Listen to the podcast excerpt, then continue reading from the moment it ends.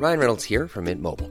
With the price of just about everything going up during inflation, we thought we'd bring our prices down. So to help us, we brought in a reverse auctioneer, which is apparently a thing. Mint Mobile unlimited premium wireless. Ready to get 30, 30, bit to get 30, bit to get 20, 20, 20, bit to get 20, 20, bit to get 15, 15, 15, 15 just 15 bucks a month. So, Give it a try at mintmobile.com slash switch. $45 upfront for three months plus taxes and fees. Promo for new customers for limited time. Unlimited more than 40 gigabytes per month. Slows. Full terms at mintmobile.com. Life is full of awesome what ifs, and some not so much, like unexpected medical costs. That's why United Healthcare provides Health Protector Guard fixed indemnity insurance plans to supplement your primary plan and help manage out of pocket costs. Learn more at uh1.com. There's never been a faster or easier way to start your weight loss journey than with PlushCare. PlushCare accepts most insurance plans and gives you online access to board-certified physicians who can prescribe FDA-approved weight loss medications like Wigovi and Zepbound for those who qualify. Take charge of your health and speak with a board-certified physician about a weight loss plan that's right for you. Get started today at plushcare.com slash weight loss. That's plushcare.com slash weight loss. plushcare.com slash weight loss. Since 2013, Bombas has donated over 100 million socks, underwear, and t-shirts to those facing homelessness. If we counted those on air, this ad would last over 1,157 days. But if we counted the time it takes to make a donation possible, it would take just a few clicks. Because every time you make a purchase, Bombas donates an item to someone who needs it. Go to bombas.com slash ACAST and use code ACAST for 20% off your first purchase. That's bombas.com slash ACAST, code ACAST. You don't need a lot of brains in this business. I mean, I've always said if you got an IQ of 160, give away 30 points to somebody else because you don't need it in investments. What you do need is emotional stability. Wow.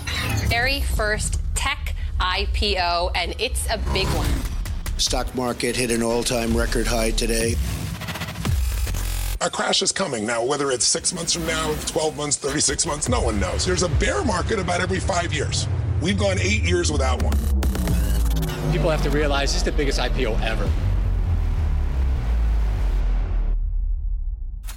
Hej och välkommen till ett nytt avsnitt av Market Makers. Hur är läget med dig Fabian på andra sidan pölen? Det är fantastiskt. Market Makers också känns som världens första och största podcast.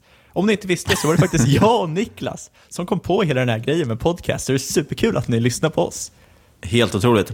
Idag har vi ju ett eh, namn på avsnittet som kan verka lite uppseendeväckande. Det är ju en, eh, en påhittad akronym. Det är du som har kommit fram, tagit fram den, eller? Ja, cigarettmannen som det betyder. Just det, precis. Eh, vi ska alltså gå igenom Facebook, Amazon, Google, Microsoft, Apple och Netflix. Vi tänkte helt enkelt kolla på de här. Vi pratade ju mycket om FANG förut, för ett år sedan. Nu känns det som att det har varit lite dött ett tag. Vi vill kolla igen, hur lever de här, mår de här bolagen? De är ju ändå en stor, stor del av amerikanska indexet. Hur mår de idag? Vad har hänt? Vilka kan vara intressanta att kika på framöver? Och vi försöker ju såklart skruva till det här lite, så liksom, kanske saker som alla inte har tänkt på eller som är självklara. Nej men precis, och straighta ut storyn lite. Se vad, vad är historien i de här just nu. Eh, men innan dess kommer vi faktiskt ta tillbaka vårt eh, ökända nyhetssvep. Det har vi ju saknat. Jag vet inte varför vi inte har kört det på ett tag, men det ska bli kul att köra det. Och så vill vi nämna en kort grej bara. Vi har gör, ska köra en favorit i repris nu tillsammans med Aktiespararna i Norrköping blir det. Eh, 23 september där kommer Kvalitetsaktiepodden, Börsdata, alltså George Bohl från Börsdata och jag då från oss egentligen, från Market Makers, köra ett evenemang. Favorit i repris som sagt, vi har kört ett liknande innan. Det kommer vara kvällstid och vi lägger en länk i beskrivningen. Det vill ni inte missa om ni befinner er i närheten, eller någonstans i Östergötland. Jag tror det kommer bli grymt. Vi börjar bli någon form av Östergötlands trio. Det här företaget och de här två poddarna. Det är faktiskt ett fantastiskt gäng. Vi har ju kört det några gånger tidigare och har man missat det, ja då har man ju missat någonting som var jäkligt coolt. Men hörru, innan vi kör igång så vill vi som vanligt säga att det här är ingen rådgivning eller rekommendation. Vi berättar om vår process, hur vi tänker. Eh, gör såklart alltid din egen analys. Och nu ett nyhetssvep. Den senaste veckan har man ju verkligen märkt att vollan är tillbaks i marknaden. Dagens börs, då vi spelar in detta, det är alltså den 13 augusti. Det öppnade rejält ned efter valet i Argentina. Eh, kinesiska yuanen fortsätter devalveras och vi samtidigt har eskalerande protester i Hongkong. Sedan twittrar Trump något om att han snart ska träffa Kina för handelssamtal och då skjuter ju börsen upp till närmare 2% för dagen. Ja, och samtidigt på, har vi lite tråkig utveckling i Argentina. Deras aktiemarknad rasar alltså 48 procent idag, mätt då i amerikanska dollar. Eh, det här är, det är helt sanslöst. Man kan prata om en blodig, blodig dag. Eh, det är faktiskt det näst största tappet på, på en, en och samma dag. Ja, I alla fall av de 94 index då, som Bloomberg har följt sedan 50-talet. Eh, tråkigt nog då slog Argentina dessutom sitt eget rekord, så det uppenbarligen har varit en ganska tråkig börs. De hade redan det näst största raset. Etta dock, vet du vilka det är? Vilka är det, Niklas? Det är Sri Lanka. De hade ett ras på närmare 62 procent 1989. De hade ett inbördeskrig, har jag för mig att det var. Men är det inte, inte för att jag var född då, men det är det jag minns. jag tror att du var född då. Du börjar bli rätt gammal. men är det inte då bara stoppa in det här i byrålådan och hålla långsiktigt? Det som är så himla bra med en kraschande valuta det är att så länge man äger börsen i den valutan så är det helt okej. Okay. Det är samma som svenska börsen, men den har ju gått upp för att den svenska valutan har gått ner. Eh, men det vi vill göra här lite är zooma ut lite från de här handelssamtalen och allt annat tra tramsigt. Eh, det vi faktiskt kan se bakom kulisserna är att vi tyvärr har fortsatt flöde av ganska negativa siffror. Men som eh, vi är glada då såklart över att marknaden inte tar någon notis om det här egentligen. Eh, USAs statsskuld till exempel fortsätter svälla. Eh, det underskottet har växt med nästan 30% nu sedan ett år tillbaka, eller samma period ett år tillbaka. Slår man ut den här statsskulden, kul kuriosa, slår man ut den på hela befolkningen så är varje amerikan skyldig närmare 650 000 svenska kronor. Eh, I Sverige ligger samma siffra på drygt 100 papp per skalle. Det här är fantastiskt. Eh, och hoppar vi över till EU, så EUs motor Tyskland ser situationen inte heller särskilt kul ut. Eh, ZEWs index för det ekonomiska sentimentet sjönk till minus 44 från minus 24 i juli.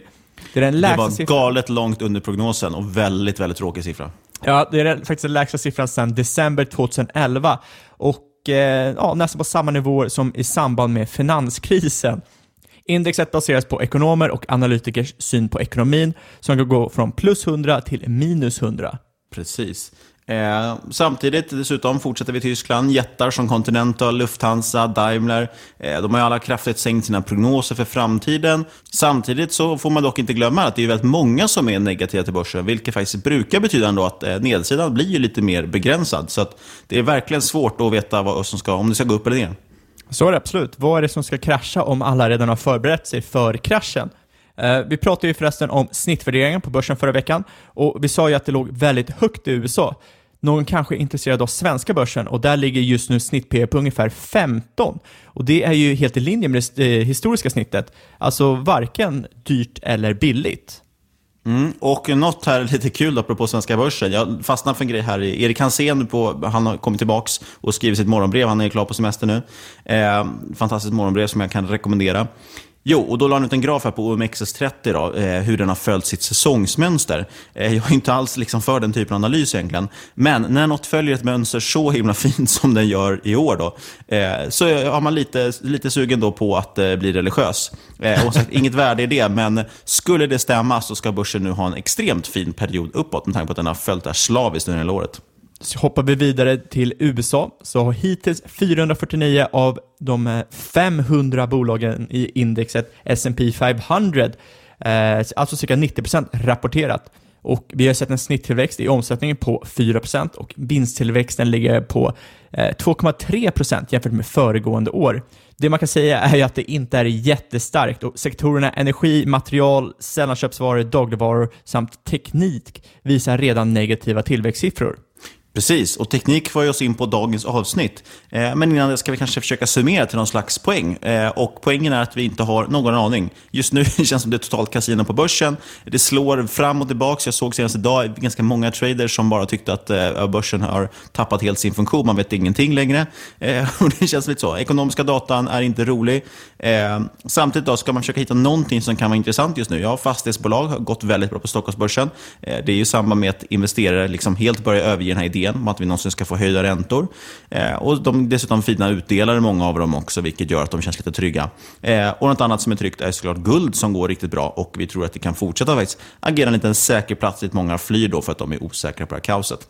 Ja, jag eh, kan tänka mig, inte just nu, för det kommer vara folk som skriker på mig, men framgent, alltså de kommande tio åren, kan, tror, tror jag eventuellt att energibolag kan vara väldigt intressant med tanke på deras, i alla fall amerikanska, med tanke på deras kontraktion i indexet. De har gått från att stå för ungefär 20% av indexet till typ 8 eller något sånt.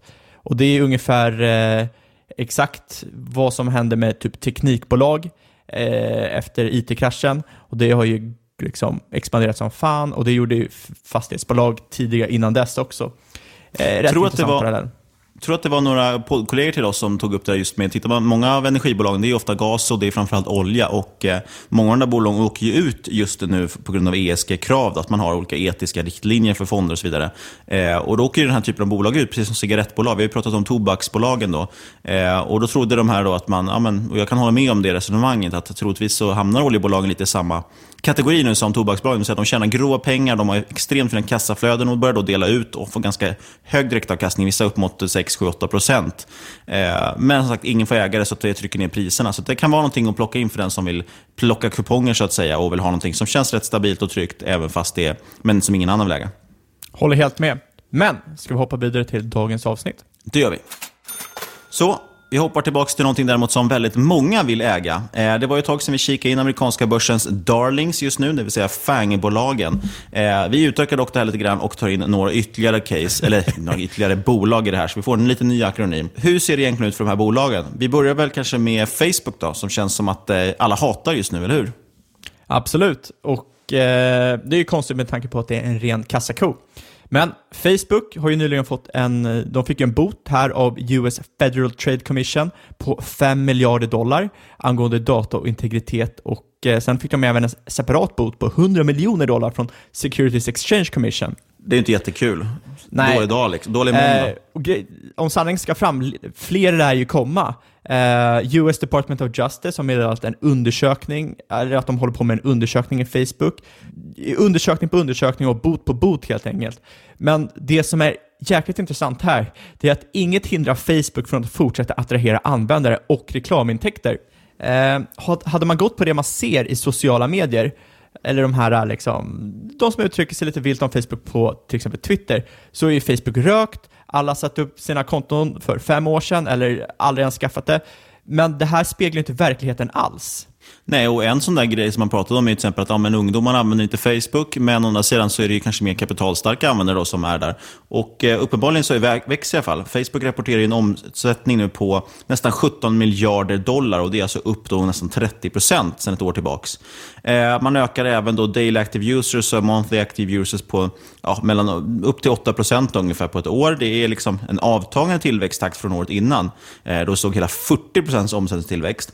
Men det är fortfarande en, en ökning då från väldigt höga nivåer, det ska tilläggas. Eh, vinsten tog stryk då från de här legal, legala problemen och den här boten. Eh, och, men man rapporterar ändå då en, en vinst per aktie på närmare en dollar, egentligen 91 cent då, för exakt. Eh, och Det kan man jämföra med förra året på 1,74. Så det var en kraftig, kraftig sänkning, vilket gör att man nu har ett negativt PEG-tal också. Ja, det som egentligen är intressant här, det är uppgörelsen mellan FTC och eh, Facebook.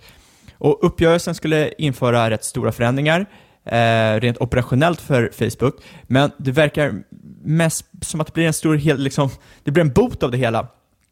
Facebook får fortsätta styra sin produkt hur de vill och samla in samma data.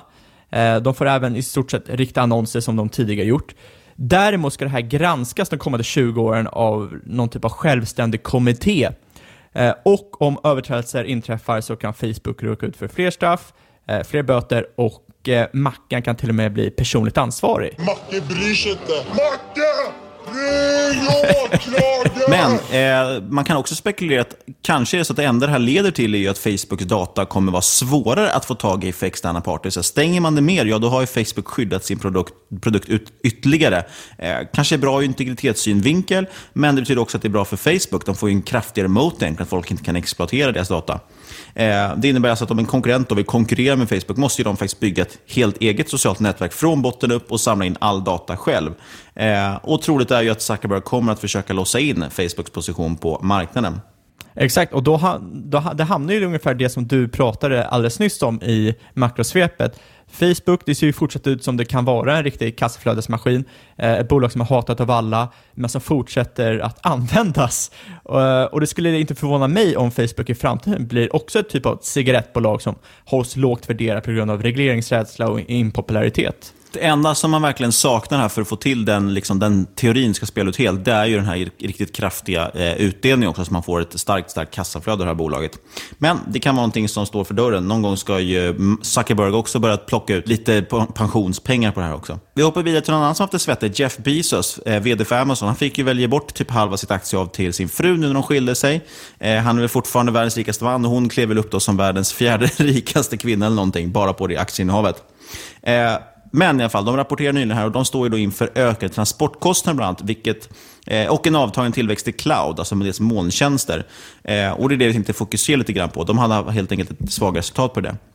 Eh, trots det så växte vinsten med 3,6 procent year over year eh, till nu 2,6 miljarder dollar drygt. Eh, det låter jättebra tills man då jämför med förra året när vinsten dubblerades. Hur signifikant det är dock ska man kanske ifrågasätta med tanke på att Amazon mer eller mindre har gjort så att de har rapporterat nästan några resultat för att slippa också betala skatt på sätt och vis. Eh, försäljningstillväxten ökar för första gången på fyra kvartal och steg med 20% till hela 63,4 miljarder dollar. Ett eh, gigantiskt bolag som fortfarande växer enormt snabbt alltså, men inte så mycket i bottom line, alltså i vinsten. Ja, alltså det, vi borde komma, gå tillbaka till det här om ökade transportkostnader. För det är ju faktiskt den absolut största faktorn till att vinsten tappade.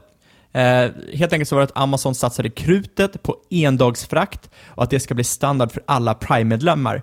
Och enligt Amazons CFO så är det något som man kan förvänta sig vara en chock till systemet. Och det här är väldigt viktigt, det som kommer nu, det är att det troligtvis kommer påverka vinsten i flera kvartal framöver. Jag tycker det är lite intressant faktiskt. Lyssna på någon, någon podd häromdagen. Då var det en, någon som pratade om att han investerat i Dollar General, en sån här dollar store-aktig affär helt enkelt. Eh, och lyfter just det här att problemet för Amazon är ju att ska de erbjuda frakt och gratis frakt då, till folk som bor i extremt öde ställen i USA. USA är så fruktansvärt stort så att det kommer bli extremt dyrt att få ut transporter i. Det är inte rimligt att du ska skicka liksom ut en tandborste på en dag till någon som bor i, i liksom mitten av ingenstans. Eh, och där har de faktiskt svårt att konkurrera med så Dollar General som faktiskt är extremt utbyggda just på sådana här små orter och kan erbjuda ett billigt sortiment. Eh, så jag tror det här kommer bli att Antingen kommer de behöva begränsa det, de kommer kanske behöva samfrakta mer saker. Eh, det är ändå sättet liksom att få ner den här fraktkostnaden. Det kommer att vara ett problem. Eh, samtidigt då som man då såklart också kan fundera lite över det här med autonoma fordon, både drönare och eh, lastbilstransporter. När de börjar bli självkörande, vad kommer det göra för till exempel Amazons marginaler? Det kan vara väldigt intressant, men det ligger å andra sidan lite längre fram i tiden också. Exakt, att investera i one day shipping, det fördjupar deras moat eh, och deras liksom logistik som är, det är väl deras vallgrad, deras konkurrenskraft. Men som du säger, nackdelen är ju att det, speciellt om man ska leverera på en dag och göra det gratis, det är att det är otroligt svårt och det är otroligt dyrt. Och jag vet inte om kunder bryr sig så jättemycket egentligen om det är en eller två dagar. Sen har vi Amazon Web Services som, eh, jag vet faktiskt inte om det har varit omsprunget eh, nyligen, men det har i alla fall varit världens största molntjänst och framförallt de som var väldigt tidiga ute. Och Det här har ju varit den största, egentligen, eh, största intäkts, inte intäktskällan, men största vinstkällan för Amazon, för de har haft fruktansvärt bra marginaler här. Eh, de drev in nu 8,4 miljarder dollar här, eh, men sett till ett år tillbaka då, så har tillväxten avtagit till 37 procent. Så det är fortfarande enorm tillväxt. Alltså växa 30-40 procent på ett år är mycket. Men det har varit högre tidigare. Eh, och rörelseintäkterna för AVS, då, som det förkortas, steg också med nästan 30 procent. Eh, men till skillnad från andra cloudföretag eller molnföretag så visar faktiskt Amazon intäkter från AVS. Eh, och tyvärr ser man nu en rätt ordentlig och negativ trend i tillväxten. Det håller på att sakta in helt enkelt. Och det här har sett faktiskt nu i över 14 kvartal. Eh, visst, det är så att AVS har en stor användarbas och då blir det naturligtvis att det, det är svårare att växa med samma relativa kraftiga siffror. Och det ska också tilläggas, alltså det, som sagt, det handlar verkligen om stora grejer här. Jag menar Amazons web services, ja deras omsättningstillväxt för Q2 eh, i absoluta mått, den är faktiskt större än hela Googles målintäkter. Eh, så det är lite intressant. Men det är ändå en fråga man bör ställa sig här. Är det så att det är Amazon som håller på att tappa någonting här? Är det så att de håller på att omsprungna konkurrenter? Eller är den negativa tillväxten någonting liksom som ligger över hela branschen? Och då är det ju verkligen någonting man bör dra öronen åt sig. Ja, eh, det första vi ska hoppa in på är det här som vi har pratat om mycket och framförallt du Niklas, det är det här med hybridmål från Microsoft. För det både Amazon och Google måste lägga ner pengar på nu är att investera i hybridteknik i sina måltjänster. Och där ligger ju Microsoft långt före. Eh, dessutom har ju faktiskt Google börjat knappa in rätt ordentligt på Microsoft och många av årets mest hypade IPOs använder antingen bara Google eller så använder de både Google och AVS. Och tidigare, det här är liksom, det är rätt stor skillnad från tidigare då de flesta liksom använde AVS antingen i samband med någon annan tjänst eller bara AVS. Det var verkligen the way to go. Så vi ser ju ett skifte som kanske inte är jätteljust för Amazon. Eh, missförstås inte, Amazon eller AVS är ett fantastiskt och starkt marknadsledare, men vi kommer troligtvis fortsätta se fallande tillväxttakt framöver om den här trenden håller i sig. Eh, allmänt så kanske det är så helt enkelt att Amazon har lite tjänat in de här lätta pengarna, plockat den lågt hängande frukten och nu väntar då svåra tider är hårt att säga när de fortfarande växer nästan 40% men man kanske kommer tappa i alla fall den här tillväxten till viss del. Eh, det är väl lite så att många av de kanske applikationer som Enki kunde flyttas till molnet har redan gjort det. Eh, det är också faktiskt då rent krasst, tappar vi investeringar i techbolag och de här startups som har varit så extremt värderade, eh, ja då kommer det också vara färre som nyttjar molntjänster överlag. Men när vi då är inne på just eh, Google Cloud, alltså Alphabets molntjänst, eh, så kanske vi ska prata lite om Alphabet eller Google då. Ja, Alphabets aktie rusade ju eh, när eh, de rapporterade omsättning på 31,7 miljarder, alltså nästan 32 miljarder dollar. Ett resultat som slog Wall Street estimat med cirka 3%, vilket egentligen är rätt sjukt med tanke på hur stort Alphabet är. Dessutom så nämnde jag att man ska börja köpa tillbaka aktier i deras C-aktieklass för 25 miljarder dollar. Det är alltså historiens största aktieåterköp. Det här är superintressant. Eh, lite som jag sa där med Facebook, att eh, det gäller ju många av de här bolagen. Delvis, de har ju extremt stora kassor. Alla vi kommer prata om förutom Netflix har ju extremt, extremt stora nettokassor.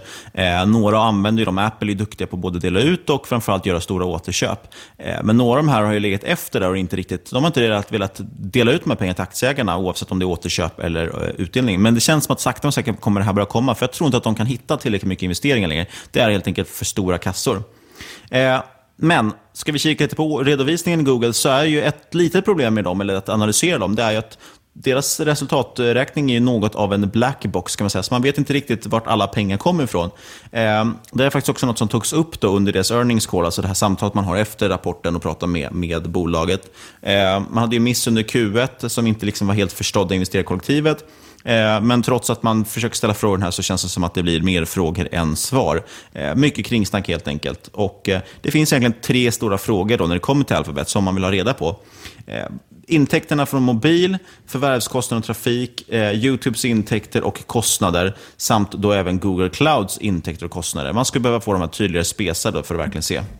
Exakt, för de här blir liksom ihopklumpade. Och det här är väl i, i stort sett det man ser från alla analytiker. De frågar hur mycket tjänar varje individ del? För det är ju väldigt viktigt att eh, veta om du ska förstå ett företag. Kollar man på mobil och YouTube så använder de ju ads för intäkter, men det är ju helt olika verksamheter med olika typer av reklam och framförallt olika typer av kostnadsstruktur. Och att faktiskt veta vad man investerar i så måste ju Google vara mer transparent med detta. Precis, och Google Cloud då, de drog in intäkter om 8 miljarder dollar, de fortsätter växa kraftigt. Eh, men de 8 miljarder dollarna kommer de från det som heter GCP, alltså Google Cloud Platform, det vill säga den här direkta konkurrenten till Amazon Web Services, helt enkelt molntjänsterna. Eller kommer de från G Suite som är en konkurrent till Microsoft och deras Office 365 som vi kommer komma in på. Det vill säga ja, men Google Docs och Google Drive och de här bitarna, liksom, verkt, liksom produktivitetsverktyg. Eh, det enda man får veta är att bägge växer kraftigt, men, eh, eller snarare uppslagna växer de väldigt kraftigt. Men vilken av dem som växer, hur mycket växer de? Eh, det hade varit jätteintressant att veta. Exakt, men jag, jag har sett jättemycket eh, analytiker på Twitter och på andra ställen som sitter och försöker räkna ut det här ifrån den liksom lite halvdana info man har fått om varje. Det vi vet är att G Suite hade 5 miljoner betalande kunder i Q1 2019, där priser går mellan 6 till 25 dollar per månad och per licens, vilket ger intäkter kring 4 miljarder dollar. Och drar man ut det här på helåret så är det cirka 16 miljarder dollar. Om man då antar G Suite snittar 7 miljarder om året, då innebär det att Google Cloud skulle dra in 800 miljoner dollar om året. Det är inte så jättebalt. Inte Nej, då är ju. Google Cloud i sånt fall väldigt, väldigt eh, litet. Eh, det här sättet att lite gömma intäkter och kostnader, att man inte redovisar i fall inom molntjänster, det är de inte ensamma om. Eh, Microsoft gör också en liknande grej. De lägger intäkter från Azure under det de kallar Intelligent Cloud. Eh, men det inkluderar också en massa andra produkter och Microsoft själva avslöjar egentligen bara Azures tillväxttakt. Det låter ju väldigt bra när man ser tillväxttakten, för den är kraftig. Men det hade varit väldigt intressant att kunna borra sig ner och se vilka delar som växer mest och på vilket sätt blir lite jobbigt när de här företagen liksom håsar upp de här molntjänsterna som framtills är intäktskälla, men samtidigt vill de inte gärna visa detaljer om var intäkterna kommer ifrån. Eh, samtidigt är det kanske då inte så konstigt, Google Clouds siffror då som sagt inte bara låga, de är kanske eventuellt obefintliga, speciellt jämfört i, i helheten med resultatet. Ja, och när det kommer till YouTube så har ju förvärvskostnaderna av trafik ökat. Och det säger man är på grund av skift till mobil som har högre förvärvskostnad. Men detta har blivit delvis kompenserat av att YouTube dragit in mer pengar. Och när det då kommer till mobil så verkar det som att förvärvskostnaderna tickar uppåt efter att det har fallit under 2018 när man gjorde någon distributionsöverenskommelse med Apple. Så det är ju rimligt då att allt fler går över till sök i mobil från sök till dator och mobil börjar bli en allt viktigare komponent för Google. Precis. Några som inte tycker mobilen är så viktig är Microsoft, för de la ju ner sin Windows Phone och det var väl bra det. Eh, men däremot så har de gjort gått faktiskt lite från klarhet till klarhet på senaste tiden. De har varit extremt, extremt eh, duktiga tycker jag i alla fall. Eh, ska vi tillägga att det är det enda av de här innehaven jag äger också just nu. Eh, Microsoft de slog prognos kring omsättning nu och vinst, eh, vilket var starkt påeldat av den här efterfrågan för deras molntjänster. Eh, ovanligt stark, oväntat stark prestation för Windows. Windows är också något som håller på nu snurrar över till att bli på prenumerationsbas och så vidare. Eh, Microsoft själva säger att den här kraftiga prestationen kommer att fortsätta i nästa år, lovar till och med tvåsiffriga procenttillväxt, eller procent, vad säger man? Tvåsiffrig procenttillväxt. det lät konstigt. Ja, ja. I både omsättning och rörelseresultat. Då, så det är ju extremt, extremt positivt eh, från dem. Då. Ja, exakt. Och resultatet helt enkelt är stora affärer för deras Azure Web Service och snabbt anammande av deras internetbaserade Office-program. Microsoft satsar med att Eh, öka rörelsekostnaden med 12% och kommer lägga ner väldigt stora pengar på att bygga ut datacenter. Och Det som är sjukt intressant med Microsoft är att i stort sett alla avdelningar rapporterar makalösa siffror. Eh, det jag menar är att de går från klarhet till klarhet. Man har gjort en stor omställning med, med vdn som tillträdde för nu ett antal år sedan med att verkligen ställa om det till ett molnföretag och ett tjänsteföretag. Eh, och Det som har varit så otroligt häftigt är att man har fått sån synergi i det här. verkligen. I stort sett alla avdelningar rapporterade rätt, rätt makalösa siffror.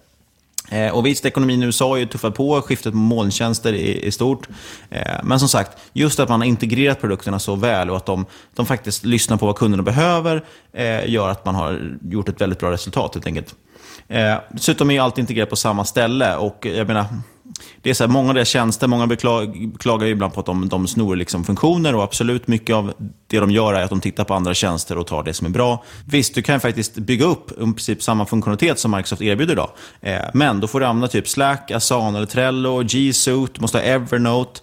Eh, och då får du hålla koll på liksom fem, sex konton istället för att ha ett enda och de här integrationerna blir också mycket svårare att få till. Så de har verkligen hittat ett, ett smart erbjudande. Och eh, krasst liksom är det så att för de flesta företag så är Office-paketen något man känner känner igen och inte vill byta från. Och betalar du redan för dem, ja då kan, får du så himla mycket annat på köpet. Det är en helt otrolig vallgrav. Eh, med tanke på att det är väldigt många som gillar att sitta och snacka om vallgravar. Här har vi ett bolag som har en helt otrolig vallgrav. Men Niklas, du nämner ju faktiskt att de snor lite saker. Då kan vi inte glömma att prata om Teams, som nu gått om Slack efter endast två år på marknaden. Eh, teams har 13 miljoner daily active users och det är 3 miljoner fler än Slacks senaste rapporterade siffror. Eh, och på veckobasis har Teams närmare 20 miljoner användare. Och ja, det är ju faktiskt ett nyckeltal som Slack inte ens längre redovisar.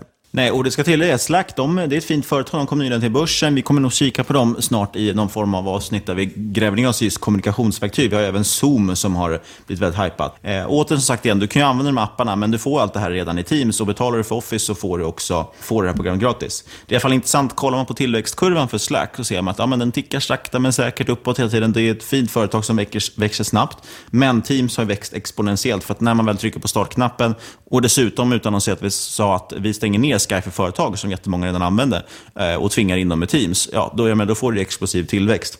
Så är det absolut. Ja, jag kan ju nästan påstå att Teams för 365 det kan ju vara liksom lite som mobil för sociala medier. Det ger en liksom, ny introduktion som det, får, kan, det kan få den här produkten att nå helt nya nivåer. Ehm, så jag, man kanske inte ens riktigt vet hur det kommer se ut framöver. Ehm, med det sagt så är det ju inte kört för Slack. Ehm, de har massa möjligheter som Teams inte har. Bland annat utöka sina kanaler mellan företag, vilket kan ge helt galna nätverksmöjligheter.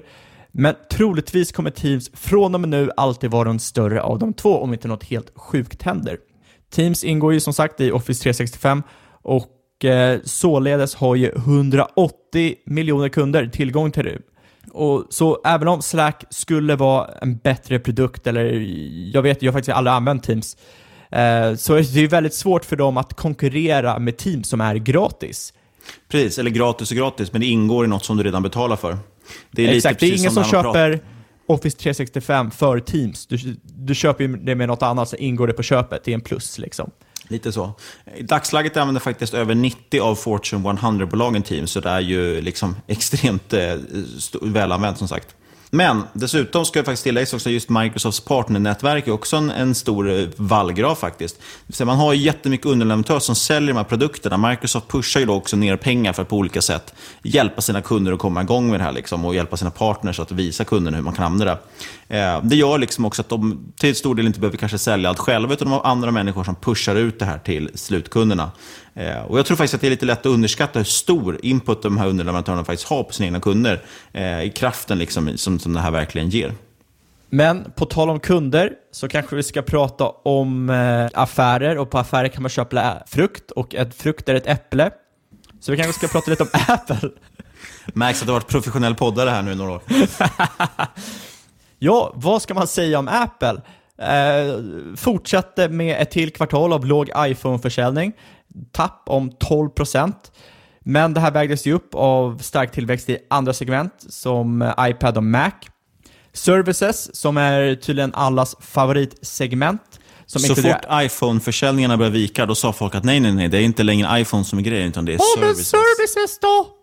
Uh, ja, service inkluderar App Store, mobila betalningar, försäkringar, ökade med 13%. Uh, eh, det är faktiskt den minsta ökningen sedan 2015.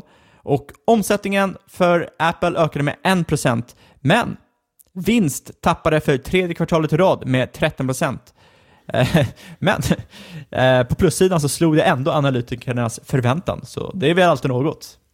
Precis. Apple ska vi säga så här också att det är, får man ändå säga, till, till klassiska mått mätt så är det väl det billigaste bolaget också, de vi kikade på nu här i det här eh, avsnittet. Eh, men det är faktiskt första gången på länge som iPhone utgör mindre än 50% av Apples totala omsättning. Eh, och apropå det här med dölja kostnader så har man då slutat redovisa Apple-försäljningen i, i siffror helt enkelt. Eh, men försäljningen är väldigt säsongsberoende. Drar man ut det här på trailing 12 months så utgör iPhone fortfarande över 50% av, sagt, av omsättningen. Eh, med det sagt så trendar det fortfarande neråt, eh, dels på grund av försäljning av iPhone iPhone är på väg ner, men också för att Apples andra verksamheter ökar. Så det kan ju vara något positivt att den totala omsättningen ökar. Ja, något som är väldigt intressant, som många nog inte trodde skulle hända för några år sedan, det är ju att wearables det här kvartalet har gått om iPads i försäljning eh, på trading 12 months i alla fall. Och nu är det Apples fjärde största verksamhet och snabbt är på väg att bli den tredje största. Eh, faktum är att det är Apples icke-iPhone-produkter, eh, inte services, som var den största tillväxtdrivaren. Det här var alltså wearables, det var Mac och det var iPad. De har växt tillsammans 20%. Och faktum är, enligt mig, så är wearables mycket mer intressant område än vad services är. Ja, samtidigt får man säga då, vad är wearables? Jo, men det är bland annat de här eh, små trådlösa hörlurarna som alla tappar runt hela tiden. Eller det är ingen som tappar dem, men det var ju prat om att alla skulle göra det. Eh, det är även Apple Watch som är en stor grej. Och någon super ovetenskaplig lynchning är väl att jag tycker generellt att folk pratar väldigt mycket om att skaffa Apple Watch. Eh, så det känns som att där bör, de börjar slå igenom de produkterna. Men framförallt kan jag tänka mig också att en stor faktisk grej här är också att de har, höjt, de har släppt de här nya trådlösa hörlurarna som är extremt, extremt dyra. Det är i alla fall imponerande att de fortsätter växa. Men det, det känns som en grej som de, gång på gång, de lyckas de göra saker som, när det släpps, så säger folk varför skulle någon vilja ha det där? Och sen går det ett halvår och alla vill ha det. Jag vet inte Exakt. vad det är, men det är eh, väldigt imponerande faktiskt. Verkligen. Och imponerande att de fortsätter växa trots att deras då viktigaste produkt just nu minskar i försäljning. Eh, men den andra förändringen har de gått igenom många gånger. Med det sagt, det är som sagt iPhones svagaste kvartal rent historiskt. Eh, fortsätter man samma trend under hösten kommer vi se att Apples omsättning börjar falla. Eh, det kommer även påverka vinsten väldigt starkt. Och som sagt, vinsten är ned på kvartalet med 13 procent. Eh, och det här är eftersom iPhone faktiskt har väldigt mycket bättre marginaler än många andra de fysiska produkterna. Eh, dessutom är ju services och wearables i, faktiskt beroende av iPhones försäljning. Därav att vi tycker att det är ibland lite larvigt när folk pratar om ah, men nu är det services som är grejen. Jo, men om du inte säljer en iPhone så har du ingen som kommer använda services. Men visst, absolut en stor grej. Samtidigt pratas det också då om, mycket om prispress där, för Apple tar väl en, ungefär en tredjedel av, av priset, vill jag minnas. Eh, och nu är det många som börjar konkurrera med det där, eller ifrågasätta det snarare och på olika sätt då kringgå den där grejen att de skär emellan. Men på tal om ta 3% och App Store så kanske du ska prata om en app, nämligen Netflix. Ja, som De här var övergångarna, helt magiska. Var det inte faktiskt Netflix som, som gjorde något just för att kringgå att Apple skulle skära emellan, vill jag minnas? Jo, Eh, det hade gjort en bättre jag, jag, jag kommer inte alls ihåg vad, hur den dealen såg ut, så jag vågade inte nämna den. Nej, Det- inte jag heller riktigt. Det är väl någonting med att man tar inte betalt i appen, utan man tar betalt på sin egen hemsida eller liknande och då får inte Apple sno pengar Just därifrån. det, det var exakt så det var faktiskt. Man gick inte via Apple för att ta betalt. Men Nu kanske alla mitt fall, minne sviker mig, men jag har för mig att även till exempel Spotify och kanske Storytel gjorde liknande. Och sen har det varit mycket debatt Jag inom spel. jag tror att väldigt många börjar göra så från. Steam och sådär. Man går ju från Men- Steam också gör många spel för att eh, det är dyrt där. om vi då hoppar in på Netflix, Niklas. Ja, men ska vi, ha, vi har några stickspår till. ska vi inte ta några grejer till? Men det är i alla fall, jag, jag tror inte det är någon som kan ha missat det här att det är första gången på ett årtionde som mängden prenumeranter för Netflix har minskat i USA. Det stod överallt när det hände. Och eh, det är ju extra intressant nu när man väntar intåg av ett gäng nya konkurrenter som eh, Disney, Apple och AT&T.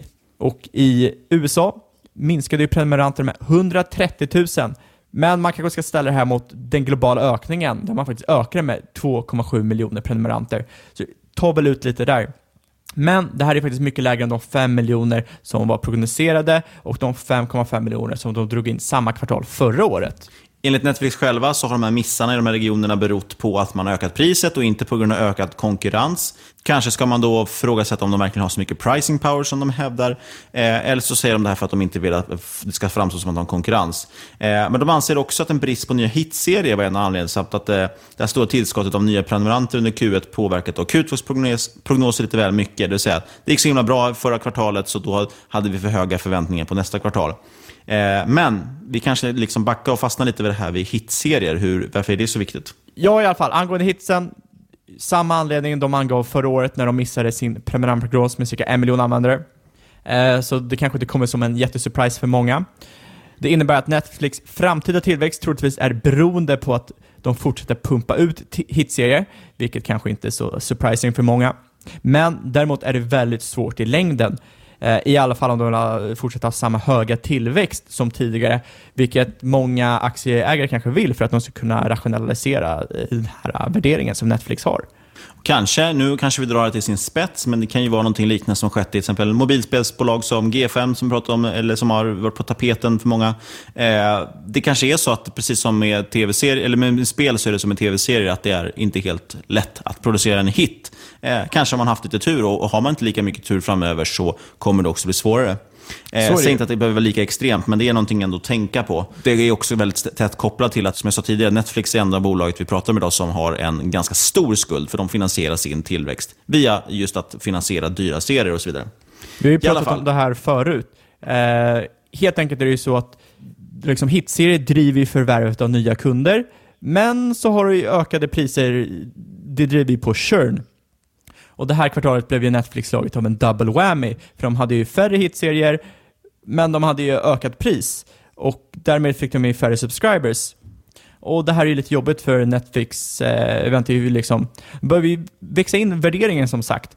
Och eh, det som är extra jobbigt nu för Netflix, det är att de tappar ju hitserier som Vänner och The Office, och som faktiskt har gjort väldigt mycket för att ta in nya kunder, men framförallt för att behålla gamla kunder, minska på churnen så ökar trycket ytterligare på Netflix att pumpa upp nya hitserier.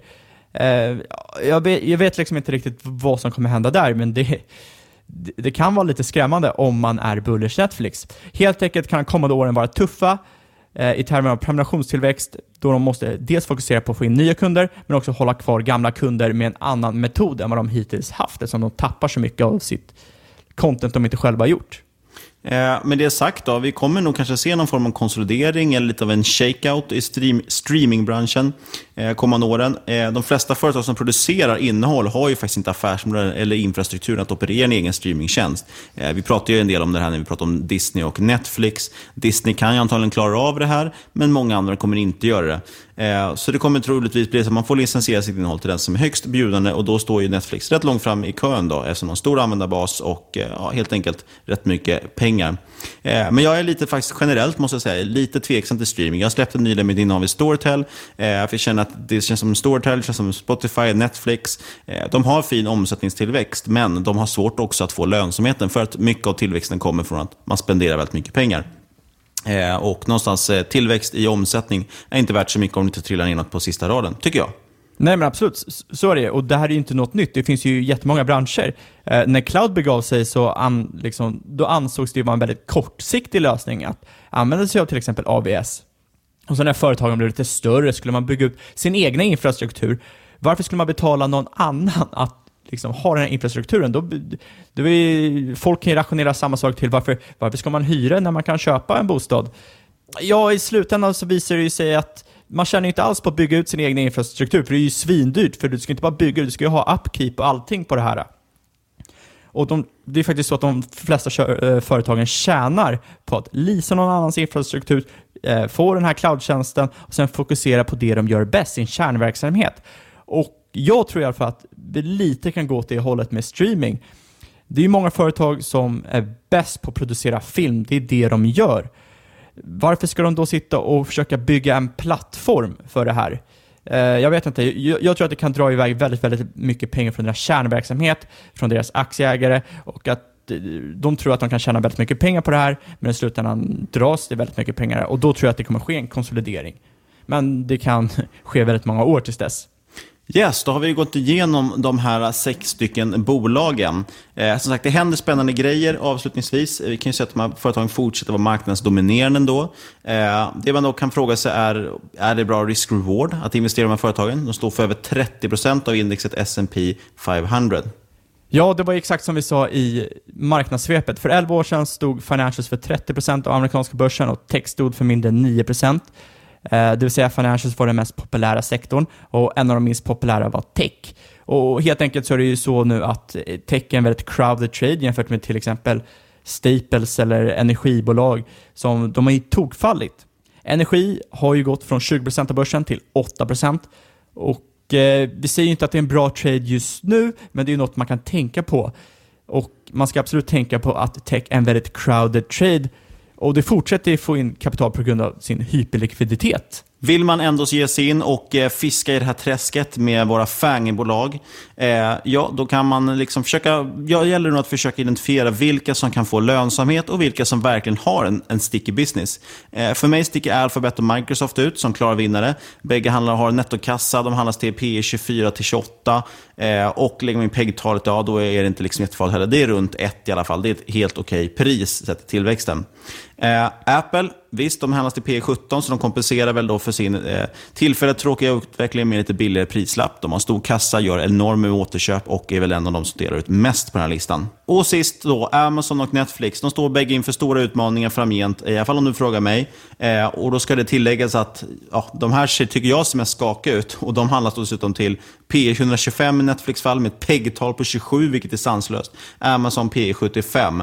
Eh, och Netflix, som sagt, enda bolaget vi tagit upp idag med en nettoskuld.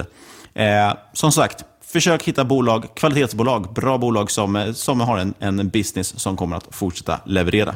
Ja, kvalitetsbolagspodden har snackat. Men Niklas, Niklas, äger du några aktier så vi inte får Finansinspektionen på oss? Ja, Fabian. Fabian. Jag äger faktiskt eh, Microsoft. Det är det enda jag äger egentligen på den här listan. Vi kan nog inte påverka de här bolagen ifall de är så pass enorma. Vad äger du för någonting? Jag äger får, jag, får jag gissa? Får jag gissa? Ja. Jag gissar på Microsoft och Facebook. 100% korrekt. Så att eh, eh, båda äger Microsoft, så vi är väl på något sätt bolags-Eskimo-bröder. Jag vet inte om man kan säga så. Molnbröder. Eh, Oj, det var men, snyggt. Molnbröder. Ja, Oavsett vad du eh, tror om vad vi äger och så vidare så är det faktiskt så att inget av den här podcasten ska ses som rådgivning. Det är ändå viktigt att säga det, att alla, alla åsikter är våra egna. Eh, eventuella sponsorer tar inget ansvar för det som sägs i podden. Och så finns det något annat man ska tänka på också. Ja, du ska tänka på att alla investeringar är förknippade med risk och sker under eget ansvar. Men om du inte riktigt bryr dig om risk och inte har något eget ansvar som vi, så kontakta oss jättegärna på podcast at marketmakers.se eller på Twitter at marketmakerspod. Och där kan man ju också tagga in oss och sen lägga ut något avsnitt som man gillar extra mycket, kanske det avsnittet, eh, uppmana folk att lyssna. Det tycker vi är skoj i alla fall. Ja, eller för bara photoshoppade bilder på oss eller vad ni vill. Ta det som lite snack. Men Målet också... är ju att podden ska bli så pass stor att vi kan påverka kursen i Microsoft. Världens största noterade Jag förstår bolag. inte vad du menar. Vi är ju trots allt världens största podcast, så jag vet inte hur mycket större vi kan bli. Eh, men en sak ni jättegärna får göra är att lämna en recension på iTunes, så att de kanske fyra personer som inte redan lyssnar på podden ser att det här är en podd man ska lyssna på. Så är det faktiskt. Och ni som har lyssnat, så vill vi bara säga, sist men absolut inte minst, stort, stort tack för att ni har lyssnat. Vi hörs igen om, när då? Eh, en vecka kanske? Ha det bra. Ciao!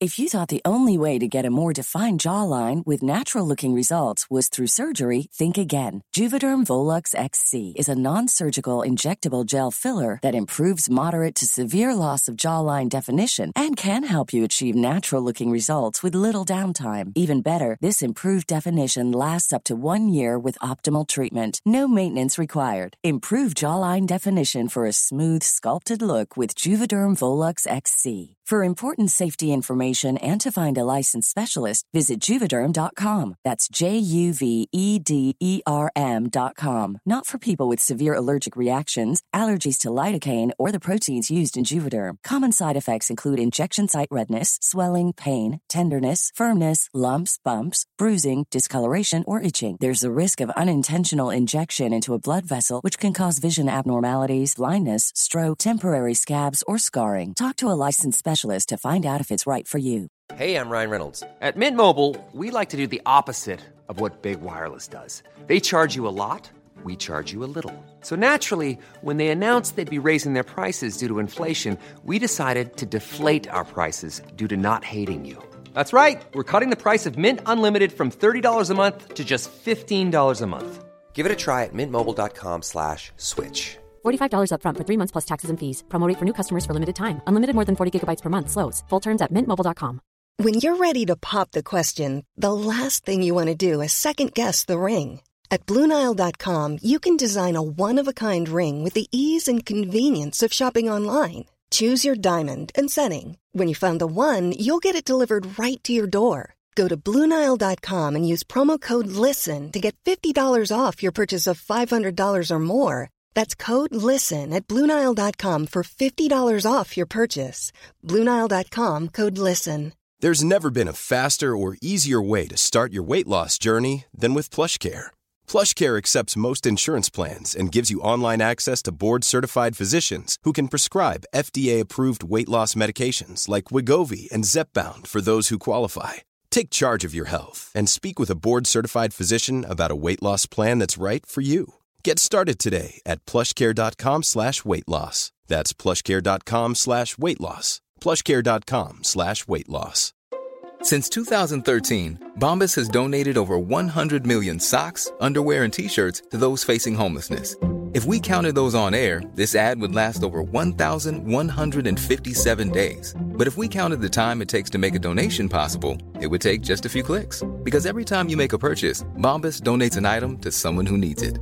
Go to bombas.com slash ACAST and use code ACAST for 20% off your first purchase. That's bombas.com slash ACAST, code ACAST.